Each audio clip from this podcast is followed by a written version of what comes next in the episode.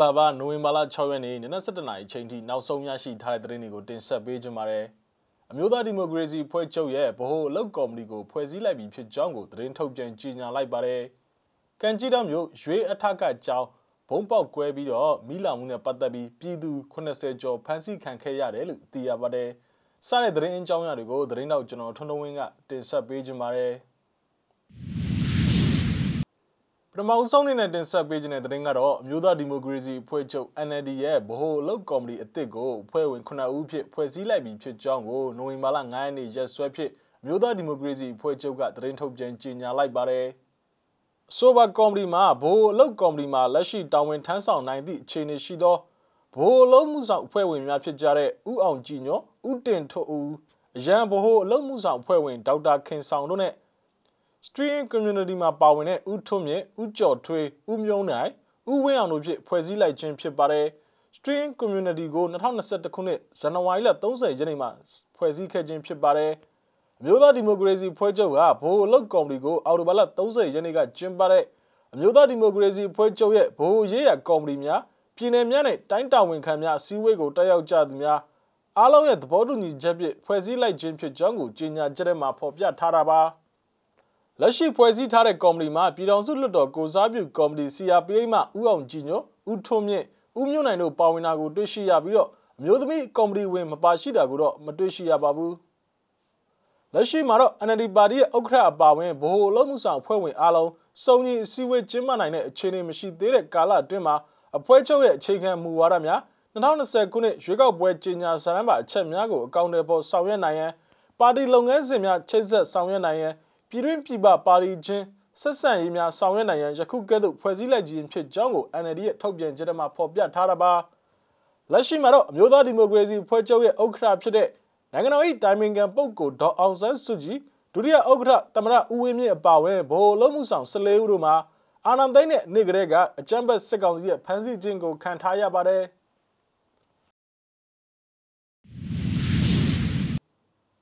ဆက်လက်ပြီးတင်ဆက်ပေးခြင်းတဲ့သတင်းကတော့ AR တိုင်းဒေသကြီးပသိမ်ခရိုင်ကံကြီးတောက်မြို့မှာ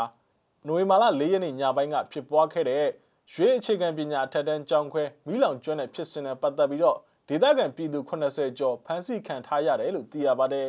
။အကြမ်းဖက်စစ်ကောင်စီတပ်တွေကကျေးရွာအတွင်းမှာရှိတဲ့ပြည်သူတွေကိုဖမ်းဆီးရိုက်တဲ့အပြီးမှာတော့ကျေးရွာမီလင်းရေးအတွက်လာရောက်မိတက်ဆင်လှုပ်ဆောင်ပေးနေသူ19ဦးစာတင်ကျောင်းဆောက်ဝန်ထမ်းနဲ့စပားရိတ်သိမ်းနေကြသူ90ဦးခန့်ကိုဖမ်းဆီးသွားခဲ့ခြင်းဖြစ်ပါတယ်။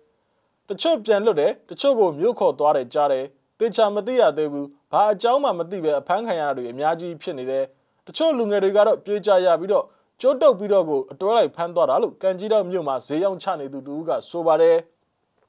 နိုဝင်ဘာလ၄ရက်နေ့ည9:00နာရီချိန်ကရွေးကျေးရွာစာတင်ကျောင်းအတွင်းမှာဆရာဆရာမနားနေဆောင်အတွင်းမှာဘုံတလုံးပောက်ကွဲခဲ့ပြီးတော့ကျောင်းဆောင်မိလောင်မှုဖြစ်ပွားခဲ့ရမှာအကြမ်းဖက်စစ်ကောင်စီတပ်တွေကလာရောက်စစ်ဆေးစင်မှာမပောက်ကွဲသေးတဲ့ဘုံတလုံးကိုလည်း ထပ်မံတွေ့ရှိပြီးတဲ့နောက်မှာတော့အခုလိုဖမ်းဆီးမှုတွေလှုပ်ဆောင်ခဲ့တာပဲဖြစ်ပါတယ်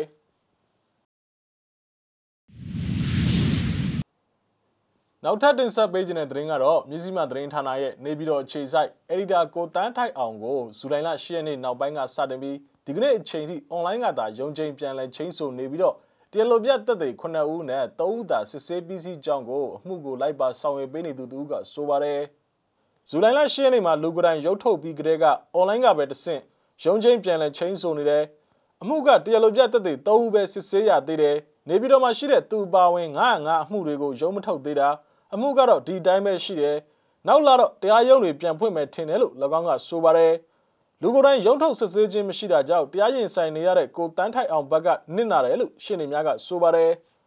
ကိုတန်းထိုက်အောင်ကိုပုံမှန်905ကာကြီးဖြစ်ဇဘူတိရိမြို့နယ်အမှတ်1ရဲစခန်းမှု ဒူရဲမှုတိမ့်ထိတ်ကတရားလိုပြစ်လို့ကတရားစွဲဆိုထားခြင်းဖြစ်ပါတယ်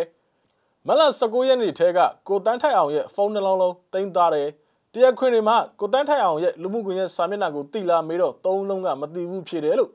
နေပြီးတော့စပူတိတိမြို့နယ်တရားရုံးမှာရုံးထုတ်စစ်ဆေးကြားနာမှုနဲ့ပတ်သက်ပြီးလိုက်ပါဆောင်ရွက်ပေးသူကဆိုပါတယ်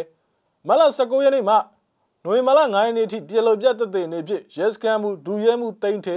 ဒူရဲအုပ်ထိုက်လင်း ဒုတက်ချက်ကိုကိုလေးတို့သာစစ်ဆေးမေးမြန်းပြီးစီးကအသည့်တက်တဲ့အနေဖြင့်ယာယီမှု2ဦးအမှုစစ်2ဦးနဲ့ရက်တက်ဖွဲ့မှုရုံးမှ2ဦးစုစုပေါင်း4ဦးစစ်ဆေးမေးမြန်းရန်ကြံရှိနေတာပါကိုတန်းထန်အောင်ရဲ့ကျမ်းမာရေးအခြေအနေမှာကောင်းမွန်လျက်ရှိတယ်လို့ကုညီဆောင်ရွက်ပေးနေသူများကဆိုပါတယ်နေပြီးတော့တက္ကိနခရိုင်တရားရုံးမှာမြို့သားဒီမိုကရေစီအဖွဲ့ချုပ်နာယကဦးဝင်းထန်ရဲ့ရုံးထုတ်မှုကိုတွားရောက်သတင်းယူခဲ့တဲ့ကိုတန်းထိုက်အောင်နဲ့ BBC သတင်းထောက်ကိုအောင်သူရတို့ကိုစစ်ထောက်လမ်းရေးများက ပြီးခဲ့တဲ့မတ်လ19ရက်နေ့မှာဖမ်းဆီးခဲ့ခြင်းဖြစ်ပါတယ်ကိုအောင်သူရကိုတော့မတ်လ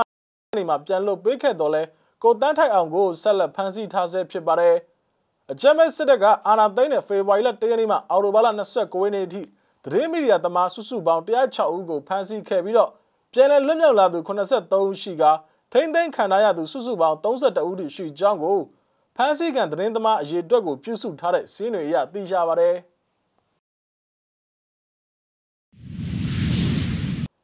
နောက်ဆုံးနေ့နဲ့တင်ဆက်ပေးခြင်းတဲ့သတင်းကတော့ရန်ကုန်မြို့မှာရှိတဲ့စုလေဂုံတရာပေါ်မှာအာနာရှင်ကိုစန့်ကျင်သလိုကျွံပညာရေးကိုစန့်ကျင်ကြဆိုတဲ့စာတမ်းမှာ V9 ကိုချိတ်ဆွဲပြီးတော့ကျောင်းသားသမိုင်းမရိုင်းစေရဆိုတဲ့လက်ကမ်းစာတောင်ဖြန့်ဝေတဲ့လှုပ်ရှားမှုကိုဒီကနေ့နိုဝင်ဘာလ6ရက်နေ့နေ့ပိုင်းချိန်ကရန်ကုန်မြို့ကလူငယ်တွေကပြုလုပ်ခဲ့ကြပါတယ်။